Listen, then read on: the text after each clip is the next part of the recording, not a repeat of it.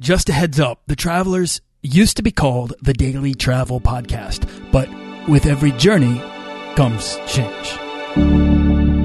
This podcast is produced by Holocene, a community of creative travelers. If you want to get serious about planning that next trip, writing that book, starting that creative project, or launching that business, we're breaking down the barriers between where you are where you want to be together at joinholocene.com. That's join, H O L O C E N E.com. Today I'm sitting down with Yahoo Travel's Paula Froelich to discuss how travel itself can become your guide. You want to travel further and more often to visit new places and meet new people and expand the role that travel plays in your life? I'm your guide, Nathaniel Boyle, an explorer that wants to help you get out, see the world, and find meaningful, life changing experiences.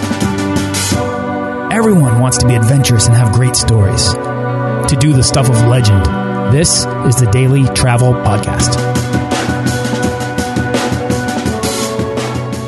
Today, I get to sit down with a friend who holds one of the most coveted gigs in the travel business as editor in chief of Yahoo Travel. Among the many hats worn over there, Paula hosts A Broad Abroad, which is a must watch travel series exploring the less expected stories hidden in places very few people think to go, like, I don't know, skiing in Afghanistan. Who knew? Before this gig, she was the deputy editor of the gossip column for the New York Post, which, I mean, talk about stories where she managed to earn the title of I love this. Worst person in the world twice from Keith Olbermann. Paul, I had no idea about that until I looked into you which is you know it's, it's just bragging rights really. I mean if you can always judge people by their friends and their enemies. And frankly if keith olbermann thinks i'm the worst person in the world i think i'm doing pretty good darn good. I have to agree. I'm still waiting for the trolls to come to my website. That has to put you in some rare company too. So uh, exactly. you have authored multiple books. Uh, you're featured in vanity fair glamour the post more. Uh, here's why i love you paula from the second i met you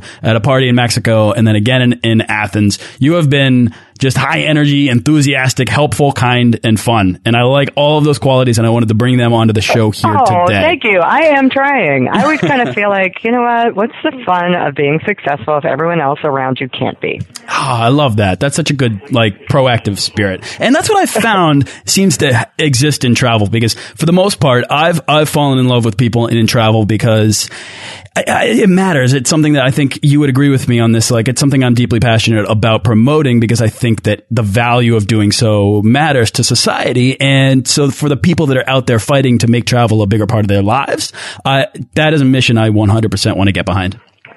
Yeah, it's also because you know what? For me, travel was life changing, and it was. I mean, I first traveled after college, and I really had a hot minute to like sit down, figure out who I was, and I started my career in New York. Thankfully, having been brave a little bit, you know, doing India by myself for six months with just a friend half the time.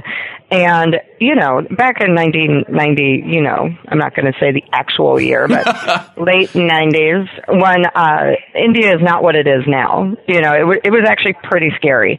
I got into a traffic jam in Delhi with like horse, donkey, camel carts, people dri- driven rickshaws, you know, all sorts of rickshaws, cars, buses. It was nuts. Um, but it's it's one of those things where like I had a career that everyone thought was amazing, everyone but me. I was, you know, on page six. I was on TV. I did all this stuff. It would look so glamorous, and I was effing miserable.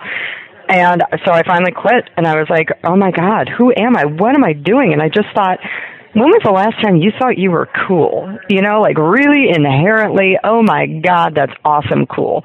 And I was like, you know what? The last time was when I went to India and I was like, you need to get back on the road again and go be brave and go be bold and go do stuff that you forgot you could do. Mm. You know, and for me, that's what travel does. Like it really brings out the bravery and the you know especially in this world you're never freaking alone right?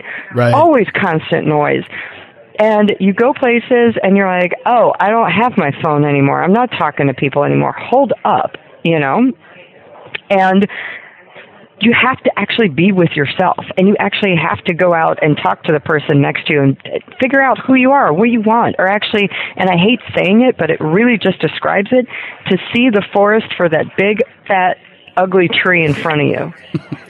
you know, and I love that because you're faced with that tree all the time. But it's, I mean, it's all what it's what you're saying. I mean, the, the that addiction, that addiction to new experience, that addiction to travel, to curiosity. I think that lies at the very edge of what you believe you're capable of doing and rising to meet that challenge, right? Of proving yourself wrong. Uh, that's basically what you're what you're what you're bringing to the table right now, and I love that. Was this uh, was this first trip to India? Was that something that you believed you could do, or was it something that you just kind of that opened your mind to the possibilities of how individual and strong you were as a person? Oh God, no! It was a total accident. Are you kidding? I was I was living in London. I was running out of money, and I was like, "What am I going to do? Like nothing. It's just not really working out here. I got to go back to the states at some point." So I pulled a full Supertramp, where I was like, "All right, take the long way home." And I wanted to go to Africa, and then a friend of mine was just held up on the border of, I think it was Tanzania, by like a twelve-year-old with a gun, and I was like, "That's not cool." and you know, guns no. and puberty just don't go well together. And also, you know, there was, I wanted to do, the original thing was do Cape Town to Cairo over land, but then the Sudan was a big old mess. And, you know, I, I kind of chickened out. I was like, this, A, I'm going to run out of money, and B, I'm definitely going to run out of money if we're just, you know, held up. So then somebody was like, go to India, it's cheap. And I was like, okay. So I showed up in India not really knowing anything about it with $1,500. And I was like, all right, I'll go till the money runs out. And six months later, I was like, all right, money ran out. So you were really hungry for the challenge at the time. It, you know what? I was hungry not to go home. I grew up in Ohio and Kentucky, and my mother has always had a massive rule of there will never be any, uh, I will never give you a cent, but there will always be a plane ticket home, so you'll never be homeless. Oh, that's interesting. And so at that point, I was like, well, what am I going to do? Go back to Ohio? I can't go back to Ohio, you know? And I was like, all right, I just didn't want to deal. And so I just kind of took the long way home. And that's how I ended up there. So you had the support of your family despite being from kind of a small, uh, a small town area. You know, here's the deal. Like, uh, support of my family is perhaps a little, they couldn't tell me no because I was paying for it. So, what were they going to do? Yeah, and you are know, finding like, your independence in this in this trip. Totally. It was just kind of like, well, I'm paying for it, and now I'm, ta- you know, I'm taking control of everything. The good thing is, is that my mother's rule of not giving me a cent, but always having a plane ticket home, has always fostered massive independence. And if you're going to do it, you own it. And everything you've done, I own, you know, or everything I do, I own. Love that. Yeah, well, because no one else paid for it, you know. Speaking of which, though, I mean, the, the, the work that you've done lately has demonstrated clearly that you are not just an experienced journalist, but you, you clearly have a background in journalism. I mean, do you have a degree in, is this something you studied? No, no. I, honestly, I when I got out of college, I didn't get a master's in journalism because it's not necessary. I when I got out of college, I worked for the Guardian, and I remember just being like looking at my boss and I, in Guardian in the Guardian in London, and London's also very different. English the English are very into work study and they're very into training and hands-on training. And I remember being like, "Well, I guess maybe I could go to get my masters." And my boss looked at me and she goes, "What the hell are you going to do that for? What, you got 40,000 to waste?" And I go, "Oh god, no." And she goes, "What do you think I'm doing right now?" And I go, being my boss, and she goes, "I'm training you. I'm giving you your masters." Love and I was that. like, "You're right." And you know, it's it's a little different now, especially with blogs and people being like, "I'm a writer," and you're like, "No, you're not." Um, or you technically are a writer, but you're not trained, you know.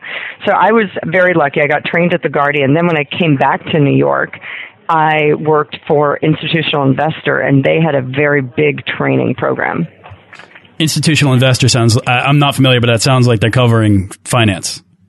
Yes, I did interest rate swaps and over the counter derivatives which does not sound quite as interesting as, say, a gossip column, which was the next step. I mean, that's night and day, um, is it um, not?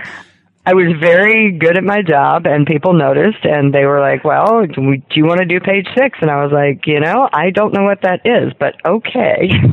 All right, Do so I get paid? yeah, because you mentioned that you were miserable doing this, and it brought you some credible degree of fame. It got you a lot of attention. Uh, it, it probably kept you very busy, and it paid well. I'm guessing, but you were miserable. Yeah, I mean, here's the deal. Like, I had accidentally fallen into it. I never wanted to be Cindy Adams or Liz Smith or my boss Richard. I just thought it would be cool. I was 25 when I got the job, and I accidentally ended up staying for 10 years. You know, doing it at 25 is a hell of a lot different than doing it at 35. So it really started to wear on you that these stories, these sort of the, the nature of gossip. Well, and also, you know what? I just didn't care. Like, uh, here's a fun fact between us. Most celebrities are not interesting. And by most, I mean 99.9%. 99.9% have also not gone to college and they also don't have friends who rely on them, you know, for some sort of form of living. So it's just not interesting, you know, and being any sort of intellectual, you're like, oh, yawners, you know, and it's really just kind of a, a seedy kind of life, you know. Mm. What makes an interesting celebrity then? What makes people interesting is when they just don't, they go away and they have an outside life and they actually do things. The problem with the majority of celebrities for me is that you know, they were just like, look at me, look at me, back to me, I'm doing this project, aren't I so great? And you're like, no, no, the project sucks, and what is going on? You know, or they do things just for publicity purposes. You know, it's like Madonna's poor baby from Malawi, you know. right, it's that idea of nothing beautiful ever asked for attention. Yeah. Uh, but it's the it's the humanity, exactly. right? Or it's the humanity, it's the complexity of a of a person that's much more interesting in the way that person maybe responds to a place, maybe responds to a different culture, maybe responds to a a, a difference in that struggle and the growth that happens from that struggle. And these are all of the things that exist in travel stories, I think, but certainly not something you're going to find writing for the Post and gossip. Um, so no, yeah. you were right. And also the thing about like thing about the way that I travel is if something makes me giggle, I want to do it. You know, it's like skiing in Afghanistan. I was like, what? That sounds crazy. Sign me up, you know. Or I did a bus tour of Iraq during the war just because there was one. you know, you're like, what the hell? Okay, I'll do it. I love that. Sounds, well, sounds so weird.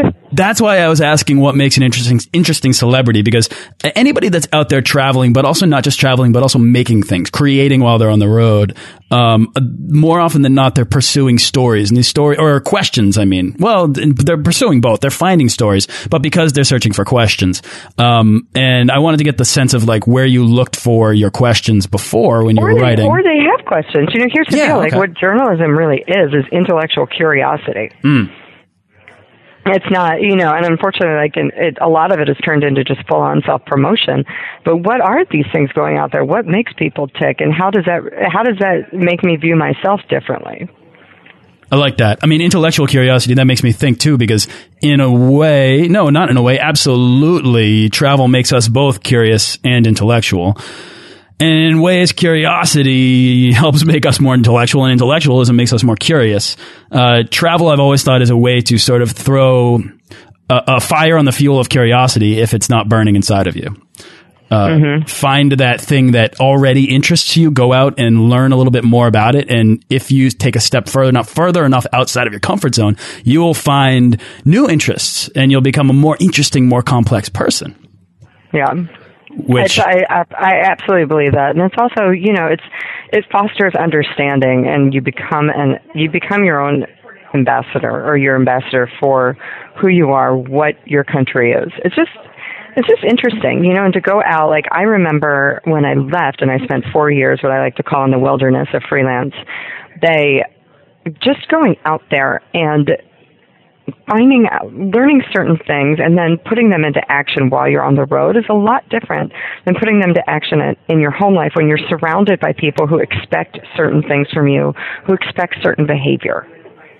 Like that. You know, this moves us back into that sort of original point that you made, that original motivation you had for moving into travel away from anything else that you've been working on and doing what it is you're doing now. But that still makes me wonder, how did you land the job that you have now? And maybe the the big the big question I'm sure that you get all the time is uh, is it as great as it seems? Does it allow you to go wherever you want, whenever you want?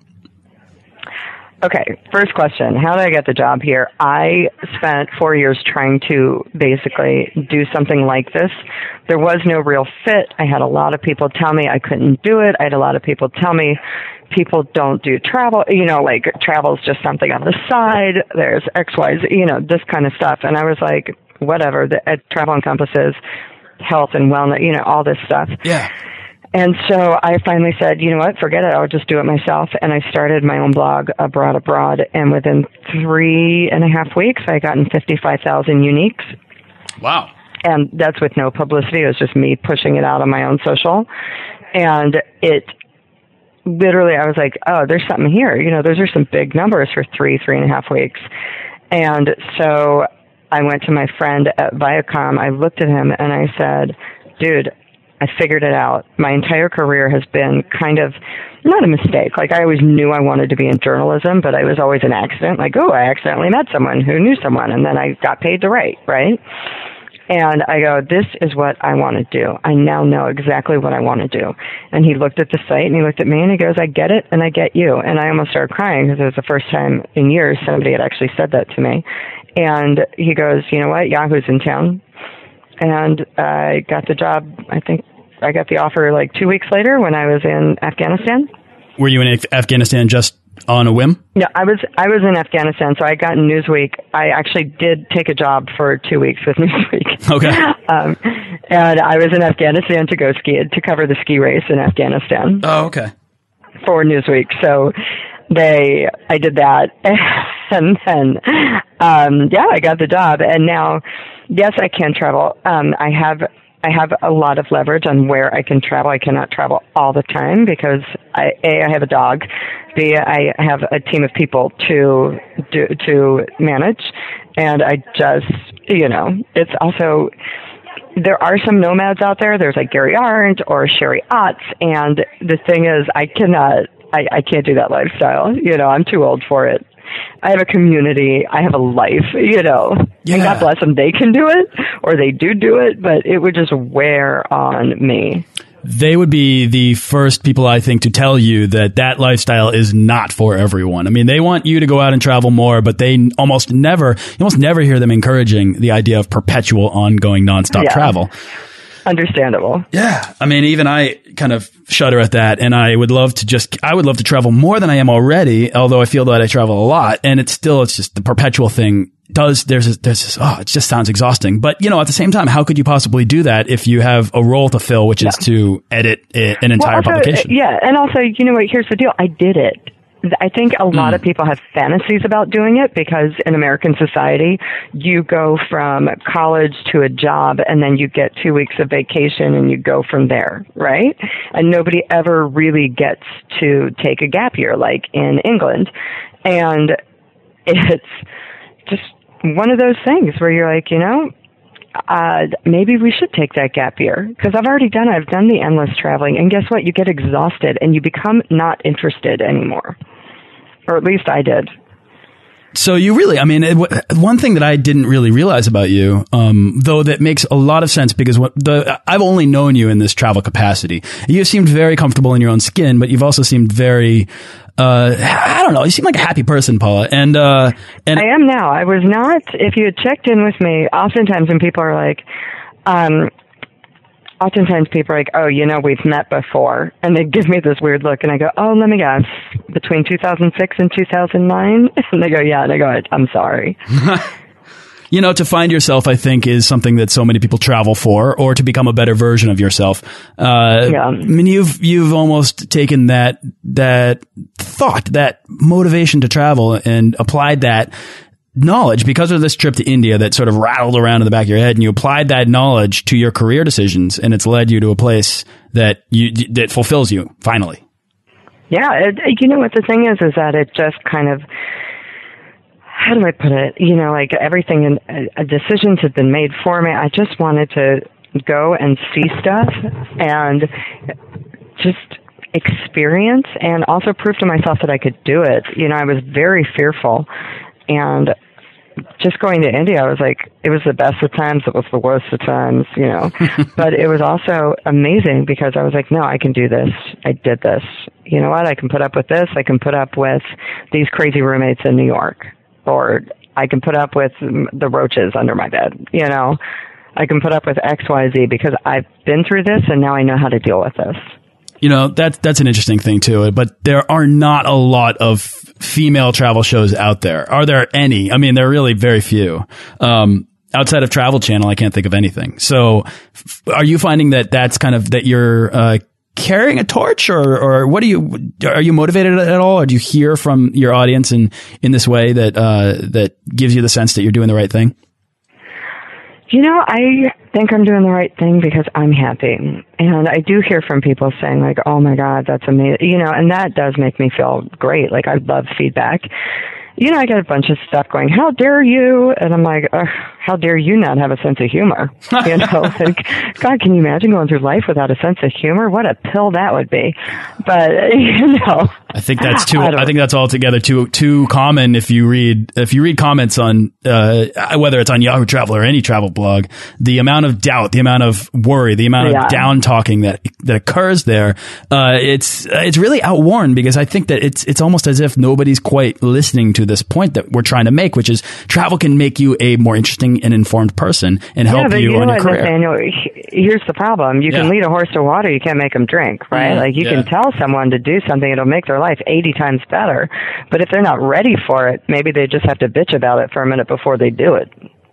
So how then well if they ever get there how then do you guys find your stories i mean i'm just curious about your process at yahoo travel or just you per personally and the work that you do with a broad abroad me personally um, if i haven't been to a place or if i think that there's a really good story i've got a great my production team is great and they also are like minded so they know how to find stories i want to do. As for the yahoo travel team it's i mean we all have a great story sense. You know every single person i work with was in journalism. They a lot of people were in dailies and we know what a good story is. We kind of if it makes us laugh or like what?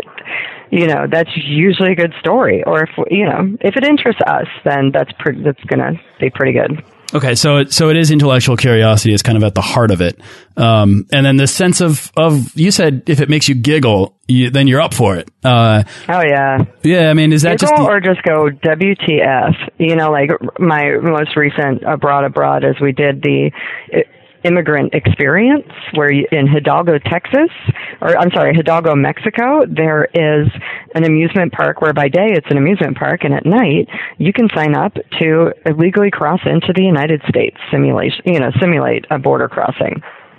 And it's whoa, whoa. crazy. Wait, really?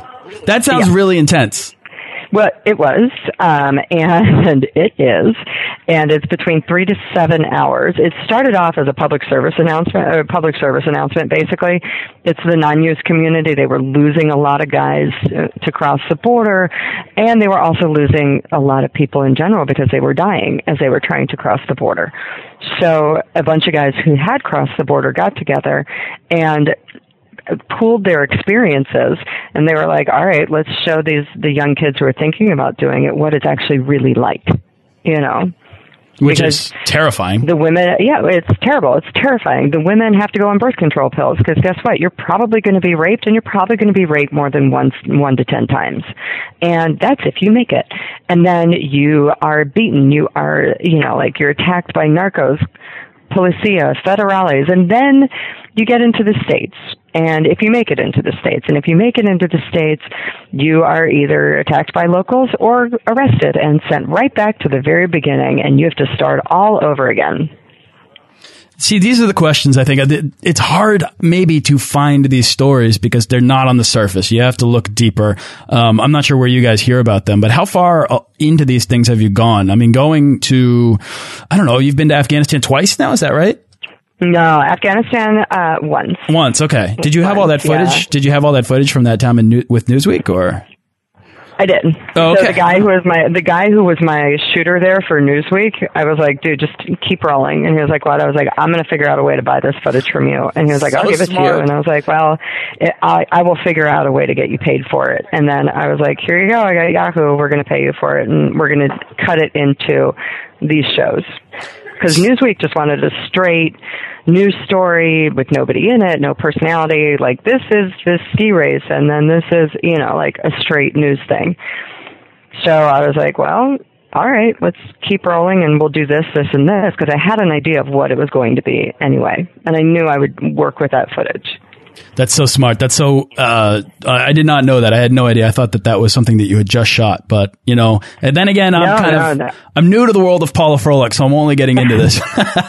um, Paula, uh, tell me a little bit more about Yahoo Travel because I know that you guys offer an opportunity for people listening that might be interested in travel, writing, traveling more, finding ways to fund their travels, finding ways to fund. I don't know, just the beer on their travels. Yeah, we're all about like real travel. You know, like I think once every never we'll write about some like crazy, you know, like it's like I I call it the rich people you crazy stories, you know. but here's the deal: everyone should be traveling, and because everyone should be traveling, we show you how to do it. We write about real people doing it. We uh, show places where to we show people how to do it, how to fund it, and we also write about places that are actually accessible. So you're always looking for stories that fulfill that need. But, you know, like we've got we every Friday we've got what it's like our wedding bells column. You know, it's like people who met love on the road. You know, people who met while traveling. And then we've got real travel stories. You know, and so um, there's just a bunch of that going on, and we want to hear from people because you know what? That's what other people want to hear. And what's going to get people out on the road is not being me being this hotel is so wonderful. Look at these sheets and this room service. What's going to get people out on the road is listening to other people and hearing and sharing and listening to their stories and reading those stories and being like oh my god. You know like when we launched we launched my best friend from grade school. Is this girl named shauna mckenzie and she's a manager at target right and she was switching jobs to go work at Macy's and she was like you know what I've always wanted to try go international. I've never done it. I, no one can go with me, so I'm going to go alone. And she researched, and she didn't have any money. She works at Macy's, you know, and she researched, and we wrote about how she did it, how much she spent, where she went, and how it changed her life and it's these kind of stories where somebody is sitting there you know it's, i think it's still like i call it the old the the poor man's mind frame you know oh travel's a luxury travel's too expensive well it's not anymore that that's an outmoded outdated excuse and it doesn't it doesn't fly Yeah, travel's more accessible now than it's ever been before. A hundred percent. It's cheap, and you can also work on the road. You know, so it's not. It's not. It's not something that like you have to look at anymore and be like, oh, that's for everyone but me. And anyone who says that to me is just dead wrong. Yes, and if anybody wants to argue that, I mean, I will submit 175 episodes of the Daily Travel Podcast as evidence that there are people out there that are doing this, that are real people that, you know, have figured out ways to make it happen. And and, and Paul, I'm right there with you. I mean, I want to, like you are saying with Yahoo Travel, show them that feeling to make someone, you know, want to feel a particular way so badly that it, it, it sparks a change. Mm-hmm. Exactly. And and also looking at them and being like, dude, that schmuck sitting next to you did it. Yeah. You think you can't do it? Yeah. You know? I, I love I love that you have embodied this sort of change along the arc of your career. To me, that's a really interesting uh, aspect of your of your background that I did not know, and I'm thrilled that you know you shared that with us to here today. Uh, tell me about what do you think the future of a broad abroad or yourself as a travel personality might be. I don't know. You know, I, I I never say never anymore, but I just I don't know. I I'm so open and excited to whatever comes my way. So I mean, if you're happy now, then there's no necessary uh, there's no need to look into the future too far. No, you know, and yes, we're going to get bigger and we're going to get stronger, and it's world domination. But you know, step by step. Love it. I love this, Paula. Paula, my last question for you, just because we've been talking about this transformation that you've undergone, is what would your prior self, working miserably at the New York Post, think of your yourself today? I would be so jealous and be like, who did she, what, how did she get that job? You know, I, I would, I was very unhappy. So people who did well, like I'm doing now, I probably would have resented and I probably would have been very jealous of. And I probably would have been like, I want that, I want that, I have no idea. And then I probably, because I was so miserable, would have said, ugh, but that'll never happen. You know, I had to quit my job and leave my life to get out of that mind frame. Mm. But for your experience in India before, that might have been harder to do. But because you had a frame of reference for the change that exists within the opportunity to travel. Uh, 100%. Wow, it's amazing. It's amazing. Uh, Paula, what's exciting you the most right now? Where's your next trip or what's your next project? Um, I am. I'm really excited for an upcoming trip to Greenland. Actually. Oh, cool. Um, yeah, we're going to go visit the most northern city in the world, and apparently, outside of the north northernmost city in the world, which is super isolating, is this one crazy old Japanese guy who lives by himself and traps ducks for to eat. I can't wait to super meet this guy. Meet him. Oh my goodness, unbelievable. Um, that's so cool. I mean, that this that these you find these questions and you're able to actually go out and explore them, experience them firsthand. Is uh, the number of stories that you're accumulating in your back pocket is unreal. Uh, Paula, so uh, crazy. We got to wrap up, but I'm wondering, is there anything else that you'd like to share about travel or anything we've been talking about before we do? Ugh, I hate to rip off Nike, but just do it.